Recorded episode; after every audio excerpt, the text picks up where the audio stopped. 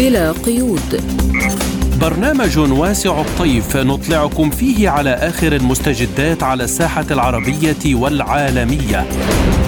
حصريا من إذاعة سبوتنيك. تحية طيبة لكم مستمعينا الكرام وأهلا بكم في حلقة جديدة من بلا قيود. نصحبكم فيها اليوم أنا عماد الطفيلي. وأنا نغم كباس والبداية بأبرز العناوين. استهداف موسكو والقرم بالمسيرات. الولايات المتحدة تنقل قوات من العراق لسوريا. منظمة التعاون الإسلامي تعلق صفة المبعوث الخاص للسويد لديها. الرئيس التونسي يدعو المجموعة الدولية للبحث عن الدوافع وراء مشكلة الهجرة غير الشرعية. المعارضة الإسرائيلية تعلن فشل المفاوضات مع نتنياهو. لازلتم تستمعون إلى برنامج بلا قيود. نبدأ التفاصيل مما قاله الرئيس الروسي فلاديمير بوتين بأن المرتزقة الذين يحاربون في أوكرانيا يتكبدون خسائر فادحة بسبب غبائهم. بالنسبة للمرتزقة الأجانب فهم يعانون أيضا من خسائر كبيرة بسبب غبائهم. يجب أن تكون الدول التي ترسل حكوماتها المرتزقة إلى منطقة الحرب اليوم على دراية بما يحدث هناك. ونحن بدورنا سنلفت انتباه الناس إلى هذا ليقيموا تصرفات حكامهم. بدوره قال الرئيس البيلاروسي ألكسندر لوكاشينكا إنه تم تدمير 15 دبابة من طراز ليوبارد. وفقا لبياناتنا تم تدمير أكثر من 15 دبابة من طراز ليوبارت وأكثر من 20 دبابة من طراز برادلي في معركة واحدة لم يحدث مثلها سابقا. لذلك يمكن للمرء تقدير عدد الجنود الذين قتلوا من جانب القوات المسلحة الأوكرانية بالنظر إلى هذا الكم الكبير من المعدات المدمرة. أنا أعلم هذا جيدا لأنني خدمت سابقا كضابط في المركبات المدرعة لذلك أفهم ما يعنيه تدمير العديد من مركبات القتال للمشاة. والأهم من ذلك هو تدمير دبابات ليوبارد التي تم مدحها كثيرا. وفقا لتقديرات الولايات المتحدة الأمريكية منذ بداية عملية مكافحة الإرهاب بلغت الخسائر في صفوف القوات المسلحة الأوكرانية 26 ألف شخص. 26 тысяч. وقتل زميلنا مراسل سبوتنيك هناك روستسلاف جورافليوف جراء استهدافه مع مجموعة من الصحفيين بذخائر عنقودية كما أكدت وزارة الدفاع الروسية وصرح النائب الأول لمندوب روسيا الدائم لدى الأمم المتحدة دمتري باليانسكي بأن أمريكا تتحمل مسؤولية مقتل زميلنا مراسل وكالة الأنباء الروسية سبوتنيك روستسلاف جورافلوف وأن الولايات المتحدة تخطت جميع الحدود الأخلاقية. وطالبت نقابة الصحفيين المغاربة بالإسراع بفتح تحقيق دولي محايد وتقديم الجنات المتسببين بمقتل مراسلنا إلى العدالة. فيما قال وزير الإعلام السوري بطرس الحلاق إن وزارة الإعلام السورية تدين بشدة مقتل مراسل سبوتنيك في أوكرانيا مضيفا أن هناك قاسم مشترك بين التنظيمات الإرهابية التي قتلت سابقا العديد من الصحفيين السوريين ونظام كييف وهو أن المشغل الواحد أمريكا. إلى ذلك أعلنت وزارة الدفاع الروسية إسقاط طائرتين مسيرتين أوكرانيتين وإحباط هجوم على العاصمة الروسية موسكو كما تم صد هجوم 17 طائرة مسيرة أوكرانية على أهداف في شبه جزيرة القرم. حول هذا الموضوع قال المحلل السياسي إيغار شاتروف لسبوتنيك من الواضح أن أي تحليق جوي للمسيرات باتجاه موسكو ليس له أي غرض عسكري جاد على الرغم من أنه من الواضح أن هناك أهدافا معينة لوزارة الدفاع ليست بعيدة. هذا عمل استفزازي وتوضيحي بنفس الوقت مفاده أن لديهم إمكانية الوصول إلى العاصمة الروسية. طبعا من المهم هو التأثير الإعلامي من أجل الغرب في المقام الأول. الأول والذي تبين أنه لم يكن تأثيرا مرتفعا كما توقعوه في كييف. ولا أعتقد أن مقالات عن محاولتين فاشلتين لضرب موسكو بطائرات بدون طيار ستظهر على الصفحات الأولى للصحف الغربية. ولمناقشة مستجدات الملف الأوكراني ينضم إلينا عبر الهاتف الخبير بالشأن الروسي الدكتور سمير أيوب. أهلا بك دكتور سمير في برنامج بلا قيود. أهلا وسهلا بكم. تحياتي لكم ولمستمعيكم الكرام. أهلا بك. يعني هجوم بالمسيرات على موسكو والقرم. أه، ما أهداف هكذا هجمات برأيك؟ وكيف تمكنت من اختراق العاصمة؟ يعني روسيا منذ فترة طويلة عندما بدأت بوادر إعلان فشل الهجوم الأوكراني كانت تتوقع عمليات تخريبية وعمليات إرهابية داخل أراضيها وهذا ما يعني وجد آه، لدى كل المراقبين يعني انعكاس تام للمأزق التي يعاني منه الجيش الأوكراني وتعاني منه أوكرانيا والدول الغربية أيضا بشكل عام التي تدعمها. لذلك يعني هذه الاعتداءات وهذه الأعمال التخريبيه إن كانت في شبه جزيرة القرم أو اليوم التي حصلت محاولة الاعتداء على موسكو أو ضرب بعض القرى في مقاطعه بيلغراد تؤكد أن هذه الأعمال سوف تستمر وروسيا توقعتها، لكن الغريب أن هذه الأعمال الإرهابية والأعمال التخريبيه التي تؤدي إلى قتل مواطنين أبرياء، أطفال، نساء، شيوخ، حتى يعني محاولة قتل الصحفيين المتعمد لا تلقى أي إدانة من الدول الغربية لذلك يبدو أن هذه الدول أصبحت ليس فقط يعني صامتة عما يحدث وإنما شريكة في هذه الأعمال، اولا يعني وصول الطائرات المسيرة إلى العمق الروسي يؤكد أن التكنولوجيا الغربية والإمدادات العسكرية المتطورة الغربية لأوكرانيا هي التي يعني آه، تساعد في وصول هذه الطائرات أو هذه الاعتداءات إلى أهدافها.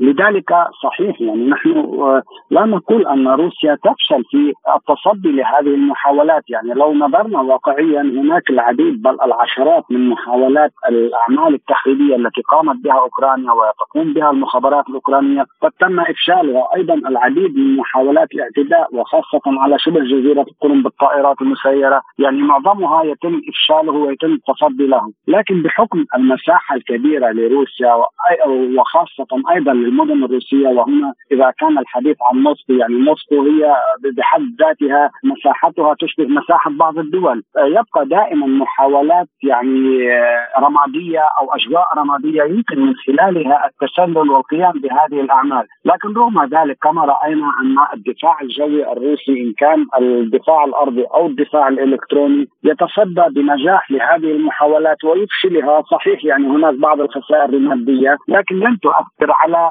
لا على معنويات سكان موسكو ولا بشكل عام على معنويات الشعب الروسي الذي تأقلم مع هذه الحوادث ومع هذه الاعتداءات. وبدأ يعني يشعر ويعلم بشكل حقيقي بأن الصراع ليس مع أوكرانيا ولا مع الشعب الأوكراني وإنما الصراع مع الآلة العسكرية الأوروبية ومع الدول الأوروبية مع التكنولوجيا الأوروبية لهذا السبب بتقديري هذه الاعتداءات لا يمكن أن تؤثر لا على معنويات الشعب الروسي وعلى ولا على مسار الأحداث على جبهات القتال، لأن التصدي الآن للهجوم الأوكراني بدأ يعطي نتائج إيجابية بالنسبة لروسيا، وهناك يبدو معلومات وتوقعات عن أن روسيا يمكن أن تقوم بهجوم معاكس يمكن أن يؤدي إلى تغيرات استراتيجية على جبهات القتال.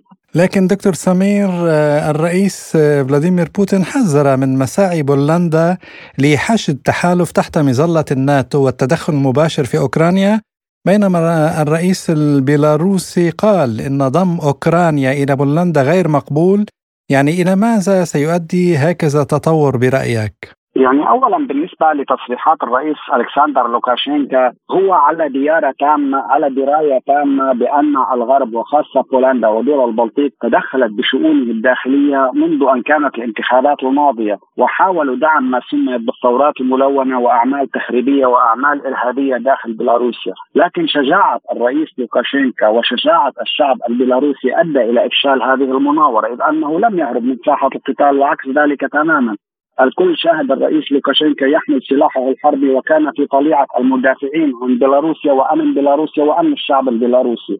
أيضا الرئيس يعني بوتين يعلم أن محاولات بولندا آه، من دعم أوكرانيا هي ليست محبة باوكرانيا وإنما هي محاولة لأن تكون أوكرانيا لأن تصل أوكرانيا إلى أن تكون دولة يعني فاشلة، دولة ذات مؤسسات مدمرة، ذات ذات جيش غير قادرة على الدفاع عنها. لذلك هم يريدون في حال وصلت أوكرانيا إلى هذا الوضع أن يتدخلوا عسكريا في مناطقها الغربية من أجل السيطرة على منطقة الفوغ وكما نعلم أن هذه المقاطعات كلها كانت في الأساس جزء من بولندا وأيام يعني عهد ستالين ضمها إلى أوكرانيا واعترفت الأمم المتحدة وكل دول العالم بهذا التغير الجغرافي بالنسبة لهذه الدول. لكن يبدو أن الأطماع البولندية الآن لا تزال موجودة ويحاولون استغلالها واستثمار الأوضاع الراهنة لصالحهم، لكن بتقديري تحذيرات الرئيس ألكسندر لوكاشينكا لهم وأيضا تحذيرات الرئيس بوتين يمكن أن تردعهم وأن تدعهم يعني آه، يعني يعلمون ما هي عواقب أي تدخل لهم إن كان ضد بيلاروسيا أو ضد أوكرانيا لأن ذلك يمكن أن ينقل المعارك إلى داخل بولندا وهذا ما أشار إليه بالأمس الرئيس لوكاشينكا عندما قال أن مجموعات فاغنر يعني آه، تريد القيام آه، بالدخول إلى الأراضي البولندية يعني على أساس آه، رحلة سياحية ومعلوم ما هو الهدف من هذا الكلام. نعم نتحدث اليوم عن قتل مدنيين يعني قتل زميلنا المراسل الحربي بذخائر عنقودية للأسف الشديد يعني تعازينا الحارة لأهله وذويه. آه، زميلنا كان في المعركة يغطي الأحداث يساعد آه، الزملاء الصحفيين الآخرين. استهدفوهم بذخائر عنقودية. قتل على الفور مع زميل آخر من إسفيستيا ولدينا أيضا أربعة صحفيين في المستشفى للأسف. لماذا يصمت المجتمع الدولي برأيك على هذه الجريمة لماذا لا يتم فرض عقوبات على نظام كييف؟ يعني اولا آه، أيضا أنا أنضم إليكم وأقدم التعازي إلى عائلة الشهداء وأتمنى للجرحى الشفاء العاجل. يعني لا شك أن هذا عمل اجرامي من قام به ليست نظام كييف ولا المجموعات الفاشية الأوكرانية بقدر من هو المسؤول عنه هي الولايات المتحدة الأمريكية الدولة التي قالت منذ عام بأن كل من يستخدم الأسلحة القنابل العنقودية يمكن أن يصنف وكأنه مجرم أو دولة إجرامية. الآن هم يقومون بما كانوا يعني يدينونه منذ عام. إذا الولايات المتحدة هي دولة إجرامية دولة إرهابية تدعم نظام إجرامي وإرهابي يستخدم هذه الأسلحة ضد المجموعات يعني ضد السكان المدنيين وضد الصحفيين وهم يعلمون يعني أن استخدام هذه القذائف لا يمكن أن ينتهي فقط مجرد استخدامه وإنما يمكن أن يطول إلى أمد طويل. يعني يمكن أن تبقى هذه القذائف لسنوات وأكثر ما يتعرض منها أو ما يتاذى منها هم السكان المدنيون وخاصة الأطفال. لذلك بتقديري هذا النفاق السياسي الأوروبي والأمريكي وحتى النفاق الأمم المتحدة يعني حتى الآن الامم المتحده لم تدن لم تقم بأي عمل لإدانة الولايات المتحدة الأمريكية. ولا أي منظمة إنسانية ولا أي يعني منظمة صحفية دولية نهائيا للأسف. صحيح يعني هذه المنظمات في النهاية معظمها يقتات ويتغذى على المساعدات الأمريكية. أين أيضا منظمة صحفيين بلا حدود التي كانت دائما تدين أي أعمال ضد الصحفيين؟ الآن الكل الآن الكل صامت الآن الكل وكأنه يعني كما يقال بلع لسانه ولا يريد إدانة هذا العمل الإرهابي المجرم لأن الولايات المتحدة الأمريكية هي عمليا التي قامت به وهي المسؤولة عنه. لذلك أنا كما قلت أن هذه المنظمات هي تتغذى من الولايات المتحدة الأمريكية ومن مؤسساتها المالية. لذلك تبقى رهينة لها وتبقى وكأنها صنم يعني موجهة فقط بالإملاءات والإيماءات الأمريكية. يعني تخيل معي دكتور لو أنه صحفي أجنبي قضى بهذه الذخائر من الجانب الروسي مثلا. يعني لو أن روسيا استهدفت لا سمح الله بذخائر عنقودية صحفيين مدنيين أجانب وقضوا بدل من زملائنا.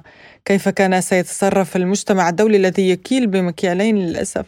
صحيح يعني كنا لرأينا أن المجتمع الدولي وكل المنظمات الإنسانية تدين هذا وتحمل روسيا المسؤولية وتقوم يعني بدعاوى أمام الجنائية الدولية. يمكن أن يعقد مجلس الان جلسات طارئة للنظر في هذه الأعمال، نعم هذا ما يعني ما رأيناه سابقا، حتى أن بعض الصحفيين الأمريكيين الذين فقدوا والذين كانوا في مناطق يعني نزاع في بعض دول الشرق الاوسط فرضت عقوبات على سوريا وعلى العراق وعلى دول بأكملها وقتل الآلاف بل يعني الملايين من سكان الشرق الاوسط نتيجة للعقوبات الأمريكية فقط لأنهم يريدون استعادة بعض الصحفيين ولا أحد يعلم من قام باعتقالهم ومن كان من قام بقتلهم والجميع يعلم أن من يقتل الصحفيين ومن يعتقلهم هي المنظمات الإرهابية التي أحيتها ودعمتها الولايات المتحدة الأمريكية. لذلك للأسف هذا الآن هذه هي يعني هذه هي القوانين العالمية اليوم وهذه هي سياسة الولايات المتحدة الأمريكية. هذه هي ازدواجية المعايير أيضا في التعامل مع أي أي مسألة تخص سواء الغرب أو روسيا. آه، طيب دكتور سمير الأمن الفيدرالي الروسي أعلن عن العثور على آثار متفجرات في مخزن سفينة كانت في طريقها من تركيا إلى روسيا، ما تفسيرك لذلك؟ يعني اولا هذا يثبت ما كانت تقوله روسيا بأن الممر البحري الذي كان مخصصا فقط لنقل الحبوب لم يكن فقط ينقل الحبوب وإنما كانت هناك عملية تهريب للأسلحة. وخاصة أن هذه السفينة تبين أن محتواها وشكلها مغير يعني هناك تغيير في آه، مخازنها الداخلية مما يؤكد أن هذا كان مخصصا لأجل يعني إبعاد الأنظار عن أن هذه السفينة تنقل أسلحة، يمكن أن تكون الحبوب في الطوابق العليا بينما الطوابق السفلى يمكن أن تكون محملة بالأسلحة، هذا أحد أهم الأسباب الذي جعل روسيا تخرج من اتفاقية الحبوب. أيضا لا ننسى أن يعني الممرات البحرية أيضا كانت تستخدم للقيام بعمليات إرهابية وخاصة ضد شبه جزيرة القرم. لذلك بتقديري يعني الآن هذه يمكن أن تكون إشارة إلى أن روسيا مصرة وهي يعني يمكن أن تتعرض لأي سفينة تقوم بأي محاولة لدخول الموانئ الأوكرانية دون موافقة روسيا لأن هذا يشكل يعني وكأنها محاولة إدخال أسلحة إلى هذا النظام ومحاولة خرق يعني الاتفاقية وخرق المياه التي أعلنتها روسيا مياه العملية العسكرية الروسية ومحظور على أي سفينة الدخول إليها. اذا يعني هذه الدول آه، صحيح أنها كانت تستغل وتستثمر هذه الاتفاقية لأنها الطريق السريع والطريقة الأسهل لنقل المعدات الثقيلة إلى أوكرانيا. وهذا ما تبين يعني أن مناء أوديسا الذي الآن يتباكى العالم وتتباكى المنظمات الإنسانية وحتى الأمم المتحدة على أن الضربات الروسية أصابت مخازن الحدود ولكن تبين بعد ذلك باعتراف أوكرانيا وباعتراف سكان أوديسا الذين شاهدوا أن الانفجارات بقيت في هذه المناطق التي تعرضت للقصف لعدة ساعات.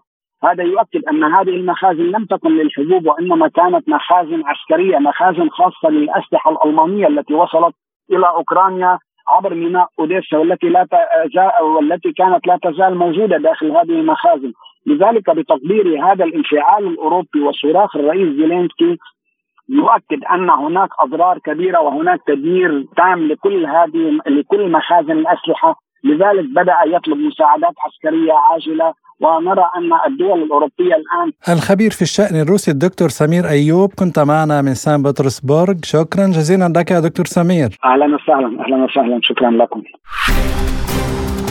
لازلتم تستمعون إلى برنامج بلا قيود. وإلى سوريا حيث جدد الجيش الأمريكي اختراقه للحدود السورية العراقية برتل من شاحنات المعدات اللوجستية التي أدخلها لتعزيز قواعده اللاشرعية في حقول النفط السورية حسب ما قال مراسل سبوتنيك هناك. وقالت مصادر مقربة من قوات قسد لوكالة سبوتنيك إن الجيش الأمريكي استقدم تعزيزات عسكرية جديدة إلى مناطق شمال شرقي سوريا عبر معبر الوليد الحدودي مع إقليم كردستان العراق ضمت 30 شاحنة تحمل على متنها مواد لوجستية وصهاريج وقود وصناديق مغلقة اتجهت نحو قواعده اللاشرعية في ريف الحسكة. وللحديث عن هذا الموضوع ينضم إلينا عبر الهاتف الخبير العسكري الاستراتيجي سيادة العميد تركي الحسن. أهلا بك جنرال عبر أثير سبوتنيك ودعني أبدأ من نقل مدرعات وزيادة عدد العسكريين الأمريكيين في سوريا إلى 1500 جندي. ما السبب برأيك؟ أنا أعتقد أن الاحتلال الأمريكي المتواجد على الأراضي السورية يستشعر أن هناك شيئا قادما قد يؤدي إلى تسخين الوضع الحالي. وهذا الأمر بات معروفا لأن الاحتلال الأمريكي يريد أن تبقى سوريا في وضع ستاتيكو يعني ساكن.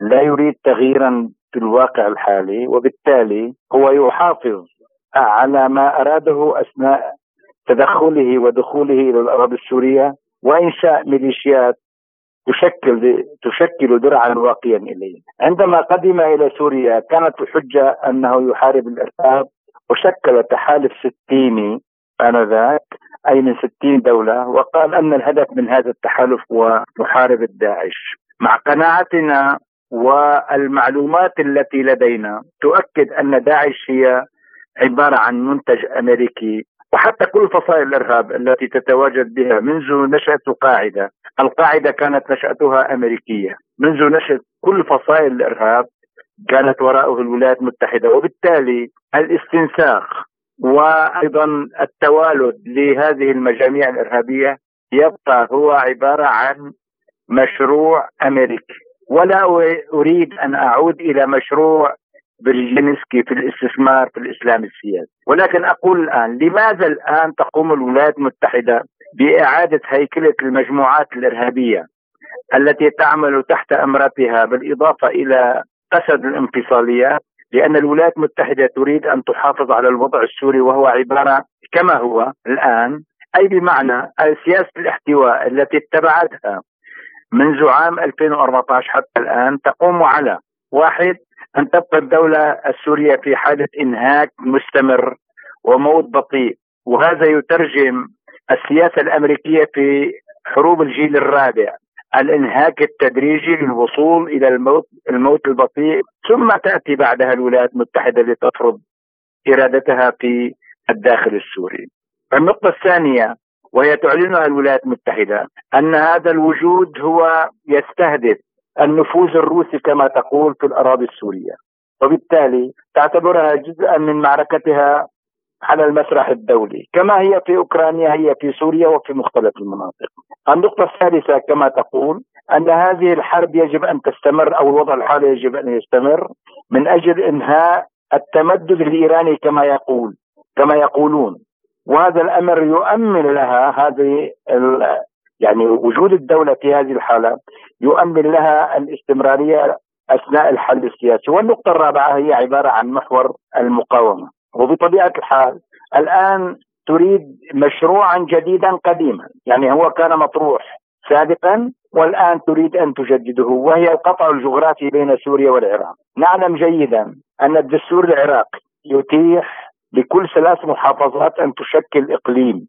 وإذا كانت شمال العراق ثلاث محافظات قد شكلت. إقليم شمال العراق وهو إقليم كردستان كما يطلق عليه الآن. فكانت تبحث عن إقليم آخر اسمه الإقليم السني. وهذا من ثلاث محافظات أيضا. يعني على الحدود السورية يعني منها محافظتان على الحدود السورية ومحافظة ثالثة لتشكل إقليما سنيا. ثم آه القطع الجغرافي لأن هذا الإقليم السني بالإضافة إلى إقليم كردستان يؤدي إلى القطع الجغرافي بين سوريا والعراق وبالتالي مع إيران وبالتالي يتعرض محور المقاومة إلى ضربة كبيرة يعني هي جعلت من قاعدة التنف مركز انطلاق لعملياتها سيادة العميد؟ تعيد إنتاج المجموعات الإرهابية في قاعة التنف وليس سرا أنها جمعت آه، هناك ست فصائل بما فيها داعش يعني خمسة فصائل زائد داعش ودربتها وسلحتها وهي تعمل على إجراء مناورات مشتركة في منطقة التنف كما أن مخير مخيم الركبان التي تتواجد به قوات أحمد العبدو والتي تعمل تحت الإدارة الأمريكية هي عبارة عن رصيد آخر. هذا الرصيد موجود بأن هناك حوالي 16 ألفا من السوريين يسكنون المخيم وبالتالي هم عبارة عن خزان سكاني سك... بشري لأن تأتي الولايات المتحدة وتزيد من هذه الأعداد. ما تحاول به الولايات المتحدة أن تقوم آه، السيطرة على البادية السورية ومنطقة شرق الفرات أو منطقة الجزيرة بالإضافة إلى الحدود الأردنية. بدءا من شرق السويداء مرورا ببادية ريف دمشق وحمص ثم وصولا إلى بادية دير الزور. وهذا الأمر لو حسبنا وفق الأولويات التي تقوم بها الولايات المتحدة وتعمل على إعادة هيكله قسد بحيث تخرج العشائر العربية من سيطرتها وتبحث في إقامة مجموعات مسلحة عشائرية سنية عشائرية سنية في محافظتي دير الزور والرقة. كان هذا الأمر مطروح منذ عام 2019 الآن تعيد الولايات المتحدة التجربة. 2019 عند إعلان النصر على داعش كما أعلنه الرئيس ترامب. وبالتالي هذه الهيكلية كما حسبتها بالأرقام بدءا من الحسكة يعني آه، صناديد آل الجربة يعني شمر ثم أبو عيسى في الرقة يعني صناديد آل الجربة العدد الذي يطرح الآن أنه 1500 مسلح. ثانيا في الرقة حوالي إعادة لواء سوار الرقة بقيادة أبو عيسى العلوش. كمان هناك حوالي 1500 مسلح. وهناك أيضا في شرق دير الزور مجموعات الخديل أي يعني أبو خولة الذي كان جزءا من قسد وأعفته قسد من هذه المهمة في ضربة استباقية. وهي عبارة عن مجموعات تقدر يعني بحد الموضوع انها قد تصل إلى 2000 شخص. وفي قاعدة التنت حوالي 1500 يضاف لهم 1000 1000 من قوات أحمد العبدو المجموع العام يشكل حوالي 10500 تقريبا 10000 إلى 10500 إلى 11000 مسلح يكون تحت جيشا آه، تحت أمرة القوات الأمريكية لأن الأمريكيين لا يريدون لا يريدون القتال بأنفسهم وإنما من خلال قوى أخرى وهذه القوى كانت سابقا يعني معروفة. يعني كل الفصائل الإرهابية تأتمر بإمرتها وهذا الأمر لا أعتقد أن هذا الأمر سينجح، لماذا؟ لأن السيطرة مساحة المنطقة المطلوب السيطرة عليها والقطع الجغرافي بين سوريا والعراق تصل إلى حوالي 80 ألف كيلومتر مربع. يعني ما الخيارات اليوم أمام دمشق لمواجهة هذا التصعيد لا سيما وسط صمت دولي على هذه الممارسات؟ الدولة السورية والحلفاء والأصدقاء سيقومون في المرصاد لهذه المجموعات ما تقدمه أو ما رفعته من عديدها الولايات المتحدة في سوريا والعراق 2500 وبالتالي هم في سوريا الآن. ودخول هذه المركبات والعربات المدرعة المتتالية هي عبارة عن أعتقد تحسب لما كان لما سيأتي في قادم الأيام. أي بمعنى أن الولايات المتحدة تتوقع أن تعمل أو أن يعمل محور مكافحة الإرهاب. محور مكافحة الإرهاب وفي سوريا وروسيا وإيران على إنهاء وجود الاحتلال الأمريكي ووجودها في شرق آه، الفرات وبنفس الوقت في قاعدة تنين وأعتقد أن لديها معطيات مؤكدة أن هذا المحور يعمل ليلا نهارا على إعداد مجموعات تستهدف الأمريكيين، هذه المجموعات سبق أن استهدفت الأمريكيين في قاعدة التنس وحتى في كونيكو وحقل العمر وخراب عشق وبالتالي هذه المسألة التي إن, إن حدثت وهي ستحدث هذه المقاومة الشعبية التي قد تحدث وهي عمليا تنفذ عمليات ولكن هناك تعتيم إعلامي عليها. إن آه، آه، انتقلنا إلى مرحلة سيكون هناك تسخين لأن الولايات المتحدة عندما تضرب مواقعها سترد بضربات طيران أو حتى بضربات صاروخية كما أتت بمجموعة أو بسلاح أو مجموعات صاروخيه هيمارس التي زودت بها أوكرانيا لأن تستخدمها في الأراضي السورية. أنا أعتقد أن الولايات المتحدة تحاول أن تكون أن تكون أن يكون هذا التواجد هو ردع أكثر منه حقيقة لأنها إن اجتمعت هذه القوة في هذه المواقع سواء كان في شرق الفرات يعني في منطقة تحديدا في موقعين أساسيين وهما كونيكو وحقل آه، العمر فإنها أهداف هامة وأيضا ثمينة وغالية بالتالي استهدافها يصبح أسهل على محور المقاومة أو محور مكافحة الإرهاب. وأعتقد أن آه، هناك في الطرف الآخر من يتحسب لذلك وهذا التحسب سيكون باتجاه قاعدة التنت وباتجاه هذين الحقلين.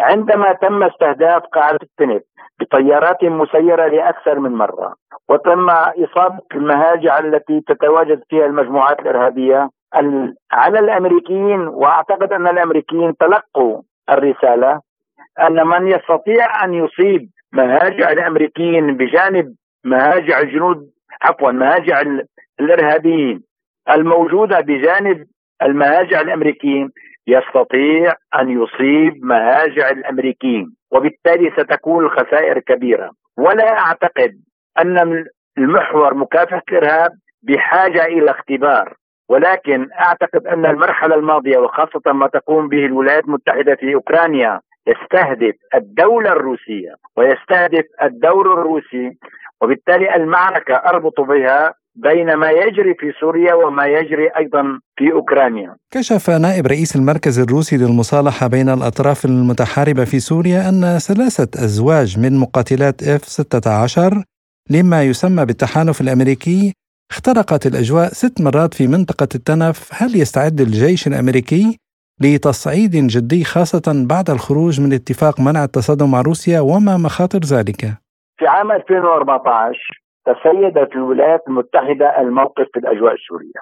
تسيدت بمعنى أن آه، الجانب الروسي لم يكن موجودا. بعد 14 شهرا جاء يعني جاءت القوات الروسية لتشارك سوريا ومحور المقاومة في مكافحة الإرهاب تحديدا. آنذاك أصبحت الأجواء مشتركة وبالتالي اقتضى الأمر أن يكون هناك تنسيق ما لمنع الاصطدام ولحدوث ما لا تحمد عقباه بين الولايات المتحدة أو بين الجيش الأمريكي والقوات الروسية. وبالتالي هذا الاتفاق تم آه الأخذ بعين الاعتبار ومراعاة الوضع القائم بحيث أن لا يحدث لا اشتباك مقصود أو بنفس الوقت خطأ ما قد يحدث. وهذا تم مراعاته طيلة الفترة الماضية. لكن بعد الحرب الأوكرانية أو الحرب العملية الروسية الخاصة في أوكرانيا آه، بدأت الولايات المتحدة تتفلت من هذا الاتفاق فتقوم بخرق الأجواء.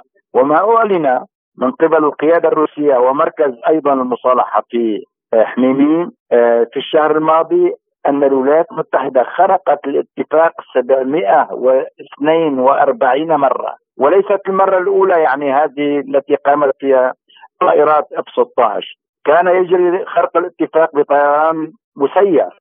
والطيران المسير الآن نعلم نعلم جيدا أنه طيران ويحمل آه، صواريخ ويحمل قذائف وقد تكون الطائرة التي تعمل ضمن القوات الجوية الأمريكية هي عبارة عن طائرة مقاتلة تهاجم مواقع محددة.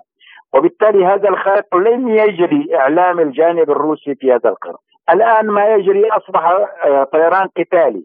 وليس طيران مسير وليس طيران استطلاعي. عندما تخرق اف 16 اف 16 هي عبارة عن طائرة مقاتلة تحمل صواريخ وبالتالي هذا الخرق مقصود لأن الجانب الأمريكي كان يقول كان يقول وأعتقد أنه كما يقول كانت مقدمة لأن يقوم بالخرق أن الجانب الروسي يحلق فوق قاعدة التنين وكأنها جزء من الولايات المتحدة. وبالتالي هذا الأمر هو عبارة أقرأه كأنه يقول هذه هي رد الفعل. هذا رد الفعل الأمريكي. سنقوم بإدخال طيران اف 16 في المعركة. وهذا تصعيد جديد. هل هذا الأمر يؤدي إلى نتائج إيجابية؟ بالتأكيد لا. وسيؤخذ في عين الاعتبار في المراحل أو في الأيام القادمة. نعم الخبير العسكري الاستراتيجي تركي الحسن كنت معنا عبر الهاتف من دمشق. شكرا جزيلا لك على هذه المداخلة. لازلتم تستمعون إلى برنامج بلا قيود. وإلى تونس حيث دعا الرئيس التونسي قيس سعيد إلى حشد الجهود لمواجهة الشبكات الإجرامية متورطة في الهجرة غير الشرعية والاتجار بالبشر. وبحسب الرئيس التونسي فإن الشبكات الإجرامية المتورطة في الهجرة غير الشرعية والتنقل القسري والاتجار بالبشر تقدر بنحو 150 مليار دولار سنويا وتهدد هذه الشبكات 25 مليون شخص في جميع أنحاء العالم. حول هذا الموضوع قال الباحث السياسي والقانوني المحامي حازم القصوري لسبوتنيك قبل كل شيء دعني أقول أن تونس يعني منضبطة إلى قوانينها الداخلية باعتبار أن يعني ما أتى عليه الرئيس هو سليم ومسنود قانونيا باعتبار أن تونس تنخرط في المجهود الدولي لضرب يعني الشبكات الإجرامية التي تنشط في التجارة بالبشر. وتعنى يعني لنا لجنة وطنية تعنى بهذه الظاهرة. وحينما يسلط الضوء آه، الرئيس على يعني هذه الشبكات الخطيرة فإنه يميط اللسان على آه، خطورة والتهديدات المطروحة على الأمن القومي التونسي. وخاصة آه، أنا نسبة هذه يعني المجموعات يعني تفاوتت ولها يعني أذرعة إعلامية اليوم آه، العالم تسوق لها وتدافع عنها وحينما يقع آه، تقوم دولة يعني ضبط حدودها فإنه آه، يرمى بالعنصرية وهذا غير سليم بالمرة. وبالتالي فإن يعني دعوة الرئيس حقيقية وصادقة من أجل يعني ضرب على هذه العصابات التي تتخذ من آه، الإرهاب وسيله ومن التهريب وسيله ومن ضرب أمن البلدان آه، وسيلة كذلك. وبالتالي يجب على الدول أن تكون موحدة لضرب هذه الجماعات التي يمكن أن تتحول إلى مقاتلين في مرحلة أخرى.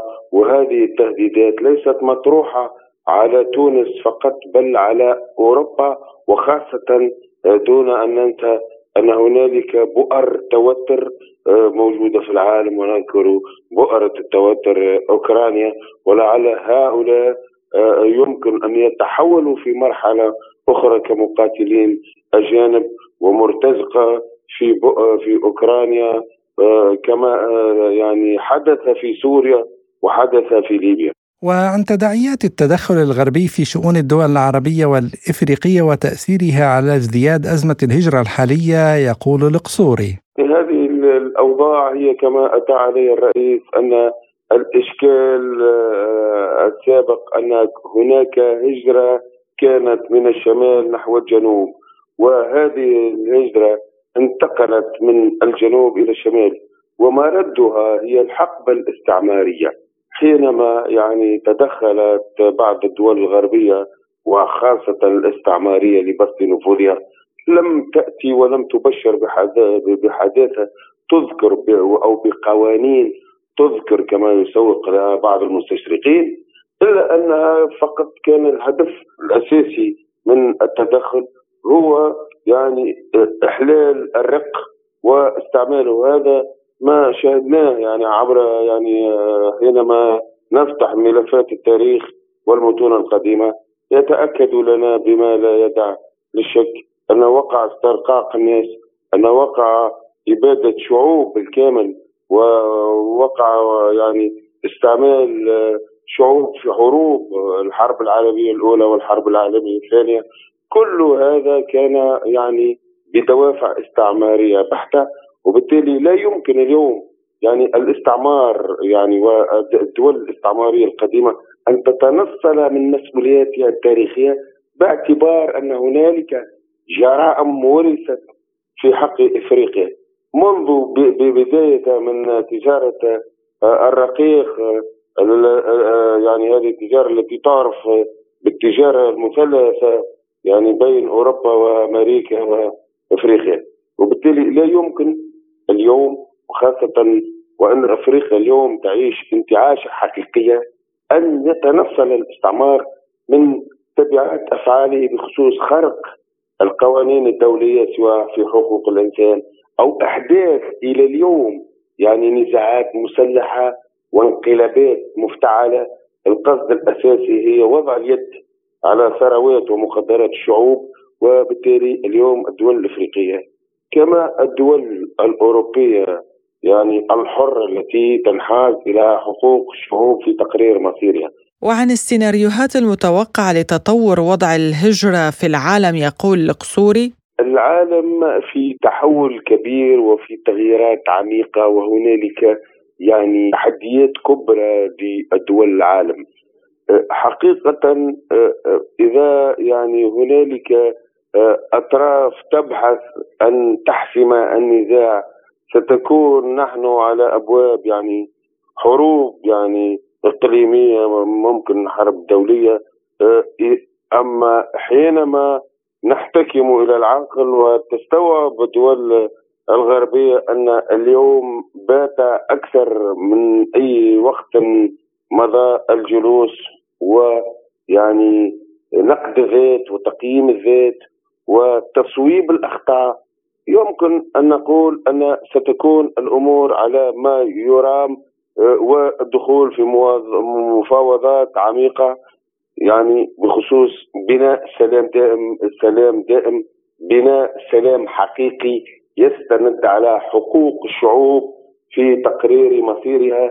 ليس سلام المكيالين أو سياسه المكيالين وازدواجية المعايير، اليوم العالم يجب أن يسير في سلام دائم نحو يعني آه، أمن وسلم عالم عالميين حقيقيين. وبالتالي ثابت اليوم أن الأمم المتحدة تعاني كذلك في أزمة. وكما كانت عصبة الأمم تعاني في أزمة أعتقد أن العالم يتشكل ويطرح بدائل جديدة دولية. وهذا دور الدول وما صوت الرئيس قيس سعيد حينما يدعو إلى نظام عالمي جديد وإلى حوار عالمي جديد وأن العالم في مرحلة تاريخية هو عين العقل باعتبار أن الاستشراف يتنزل في رؤية الزعماء الذين يطرحون بدائل سياسية ولعل عديد الدول يعني تصب في هذا يعني الطرح ولعل ونحن قريبا على أبواب قمة مهمة وهي قمة البريكس التي تعتبر طرح جديد بخصوص فهمت للدول الأفريقية في الحوار في النقاش في التفكير سويا من أجل يعني علاقات دولية تستند في المعاملات الاقتصادية على الشفافية علاقات دولية تحترم حق الشعوب في تقرير مصيرها علاقات دولية شراكة وليس استعمارية. كان هذا تعليق الباحث السياسي والقانوني المحامي حازم القصوري. بدوره أكد رئيس الحكومة اللبنانية نجيب ميقاتي أن أزمة النازحين السوريين تشكل تهديدا مباشرا على وجود لبنان كنموذج للتنوع معتبرا أن قرار البرلمان الأوروبي انتهاك لسيادة لبنان. وقال نجيب ميقاتي في كلمة له خلال مؤتمر روما لمناقشة الهجرة عبر المتوسط: أقف أمامكم اليوم لتسليط الضوء على بعض القضايا العاجلة التي لا تؤثر فقط على كل منطقة البحر الأبيض المتوسط بشكل عام لكن لها وقعا واثرا شديدا على لبنان بشكل خاص وهي الهجرة وأزمة اللاجئين والأمن والسلام والإستقرار والازدهار.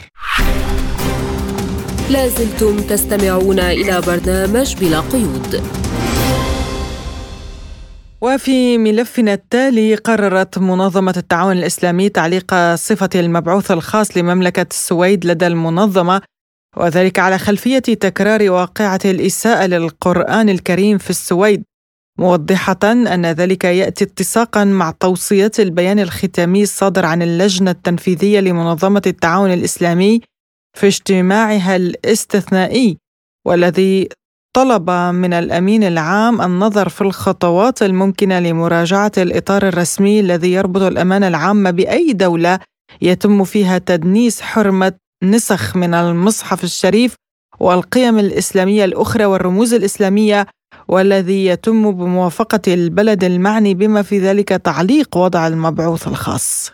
وفي السياق نفسه رحب الأمين العام للمنظمة بما اتخذته بعض الدول الأعضاء من إجراءات للاحتجاج على تكرار الاعتداءات على المقدسات الإسلامية ودعا جميع الدول الأعضاء لاتخاذ القرارات السيادية التي تراها مناسبة, مناسبة للتعبير عن موقفها الرافض لمنح السلطات السويدية تراخيص مكنت من الإساءة المتكررة لحرمة المصحف الشريف الرموز الإسلامية والتعبير عن رفض الدول المنظمة لهذه الأعمال المشينة تحت ذريعة حرية التعبير. حول هذا الموضوع قال نقيب الأئمة في تونس الفاضل عاشور لبلا قيود. نحن أسأنا لديننا بأفعالنا. أسأنا لدين من منطلق ثم تخلف دولنا فمثل ضعفها وهوانها وشعوبها. هذه فهمت؟ نحن نتحمل جزء من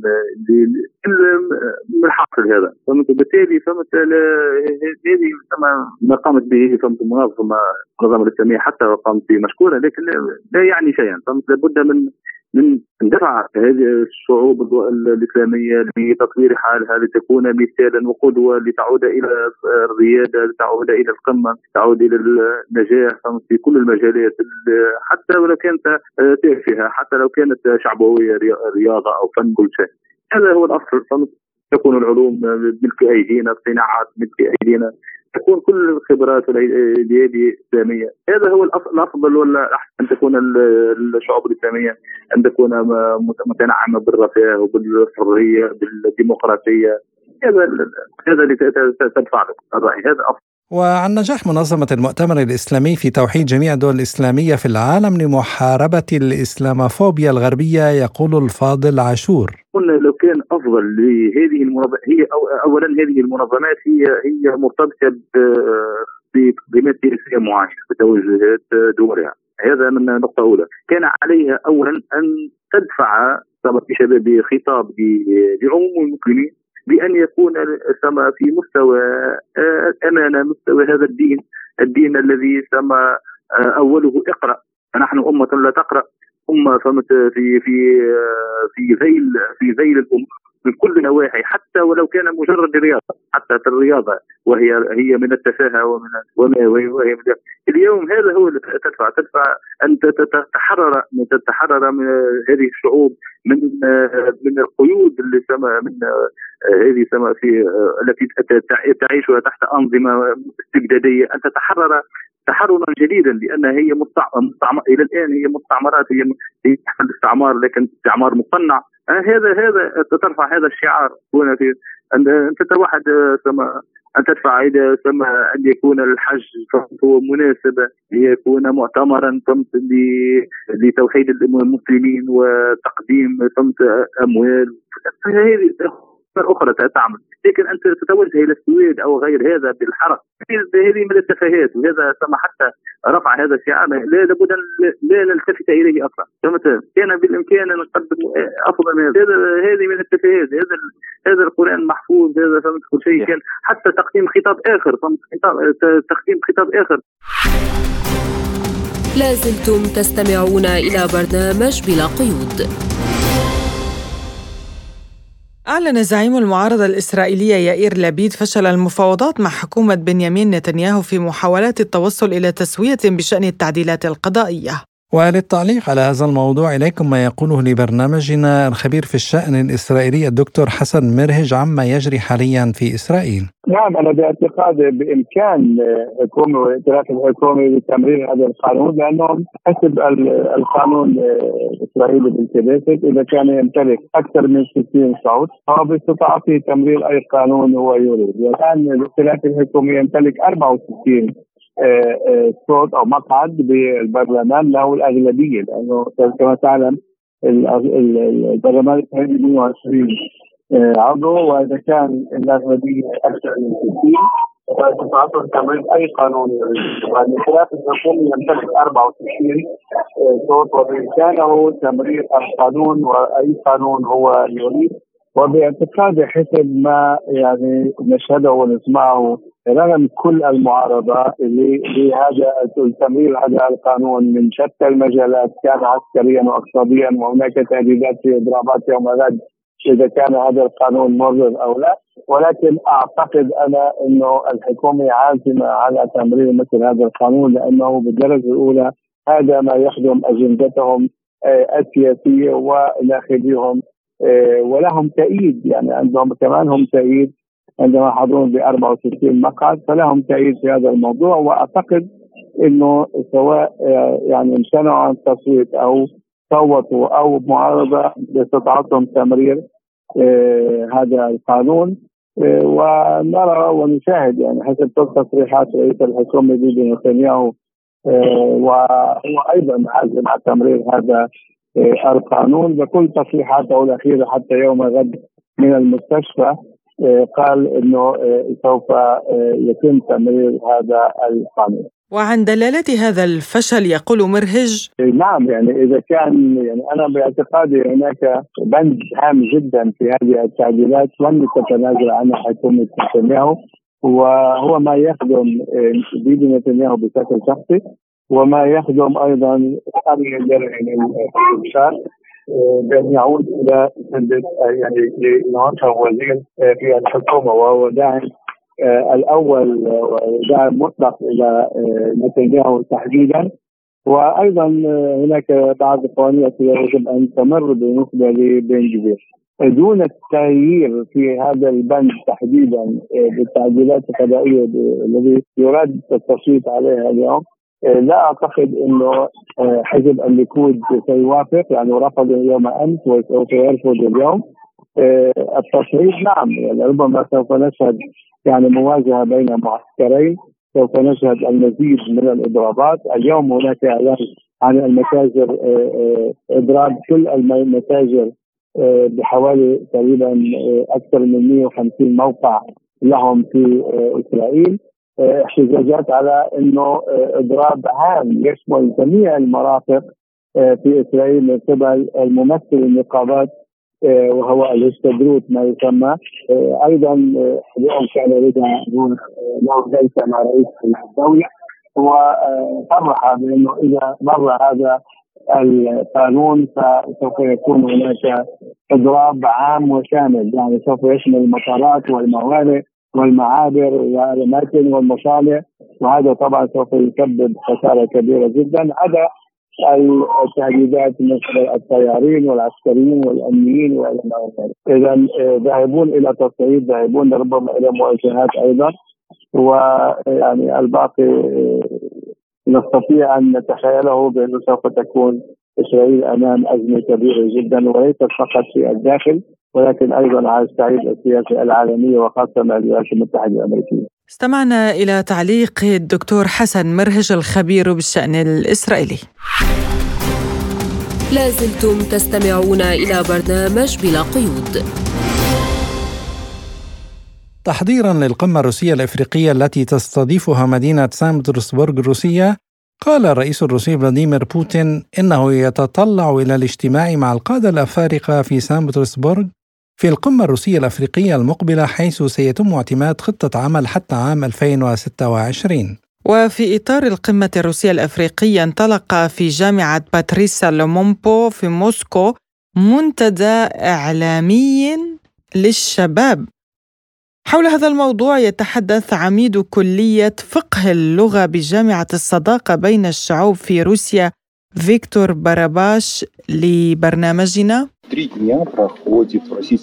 ينعقد المنتدى الإعلامي الروسي الأفريقي في جامعة الصداقة بين الشعوب في روسيا لمدة ثلاثة أيام بالتزامن مع قمة كبرى رفيعة المستوى بين روسيا والدول الأفريقية. أما بالنسبة لسبب انعقاد هذا المنتدى في بلادنا فهذا لأنه منذ ثمانينيات القرن الماضي والجامعة الروسية للصداقة بين الشعوب باسم باتريس لومومبو تخرج المهنيين الإعلاميين من القارة الأفريقية. حتى الآن وصل عدد الخريجين بالفعل إلى المئات وقد وصل العديد منهم إلى مناصب عالية جدا. جدير بالذكر أن رئيس برلمان جنوب إفريقيا تخرج من هذه الجامعة. كما وتخرج من هذه الجامعة أيضا أفضل الصحفيين المبدعين في السودان. السكرتير الصحفي لرئيس تنزانيا رئيس مؤسسة إعلامية كبيرة في تنزانيا. اثنان من رؤساء التحرير من الكونغو. هذا فقط فقط مثال للخريجين من دفعة واحدة منذ الثمانينيات.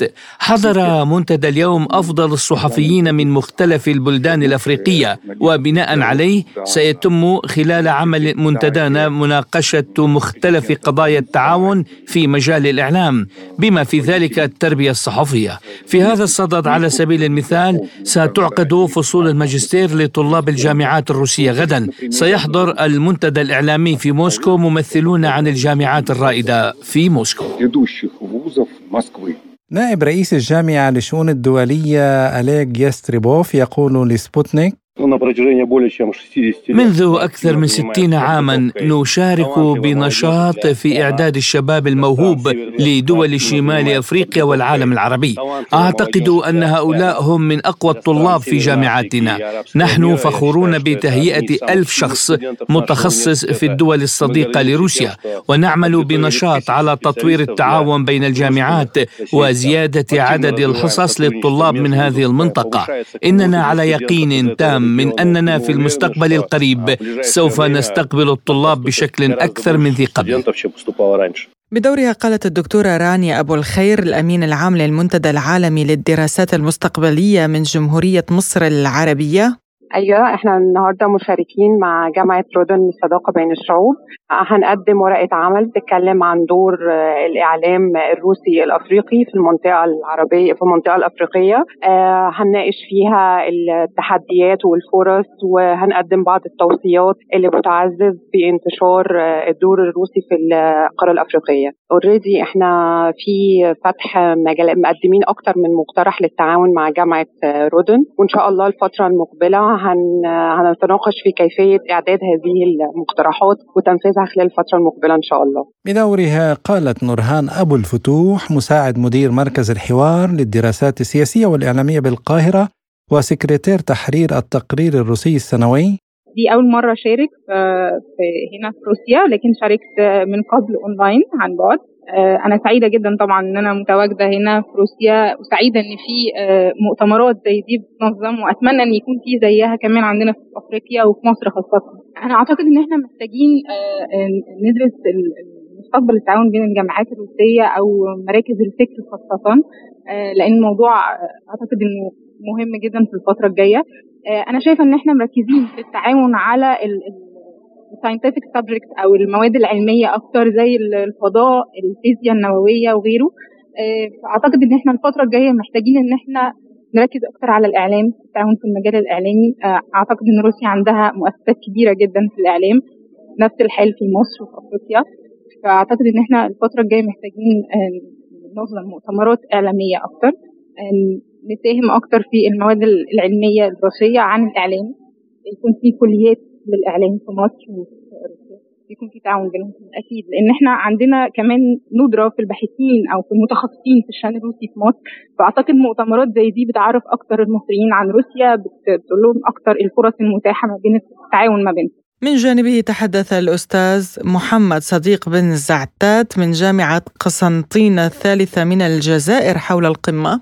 سعيد جدا بالتواجد هنا في موسكو في جامعة رادن للمشاركة في أعمال المؤتمر الدولي الخاص بالعلاقات الروسية الإفريقية ودور الإعلام في العلاقات الروسية الإفريقية. سيكون لنا الشرف المشاركة في ذات طاولة مستديرة حول العلاقات الروسية الإفريقية عبر التاريخ ثم مستقبل هذه العلاقات أو كيفية تطوير هذه العلاقات في المستقبل القريب إن شاء الله. هل تعتبر مشاركتكم نحن نعلم جيدا طبيعة العلاقات الجزائرية الروسية والممتدة يعني عبر عبر التاريخ في مجالات متعددة جدا. ربما حان الوقت إن شاء الله ولما لا الفرصة للقيام بتدعيم أو تعميق هذه العلاقات عبر القوة الناعمة الطلابية. ولما لا من روسيا إلى الجزائر ومن الجزائر إلى روسيا. وهذا سيعتبر في حد ذاته يعني إن شاء الله حافز لدفع أو للدفع بالعلاقات الروسية الجزائرية إلى مدى أبعد ومدى أعمق إن شاء الله. ممكن ممكن جدا يعني على فكرة هناك من يدرس اللغة الروسية في الجزائر. هناك معاهد تدرس اللغة الروسية في الجزائر يعني هذا شيء قديم وليس بالجديد. نحن نبحث كيف نبعث بهذه العلاقات إلى مستوى آخر يتعدى يعني مجرد المشاركة أو مجرد تعلم اللغة الروسية أو حتى تعلم اللغة العربية بالنسبة للطلاب الروس. نريد أن نذهب أبعد من ذلك. أكيد نحن نعلم يعني وزن الجزائر في الشمال الإفريقي والإفريقي عموما ستكون إن شاء الله بوابة ونحاول إن شاء الله أن نكون أحسن سفير لإفريقيا إن شاء الله في روسيا. ختام حلقة اليوم من بلا قيود إلى اللقاء.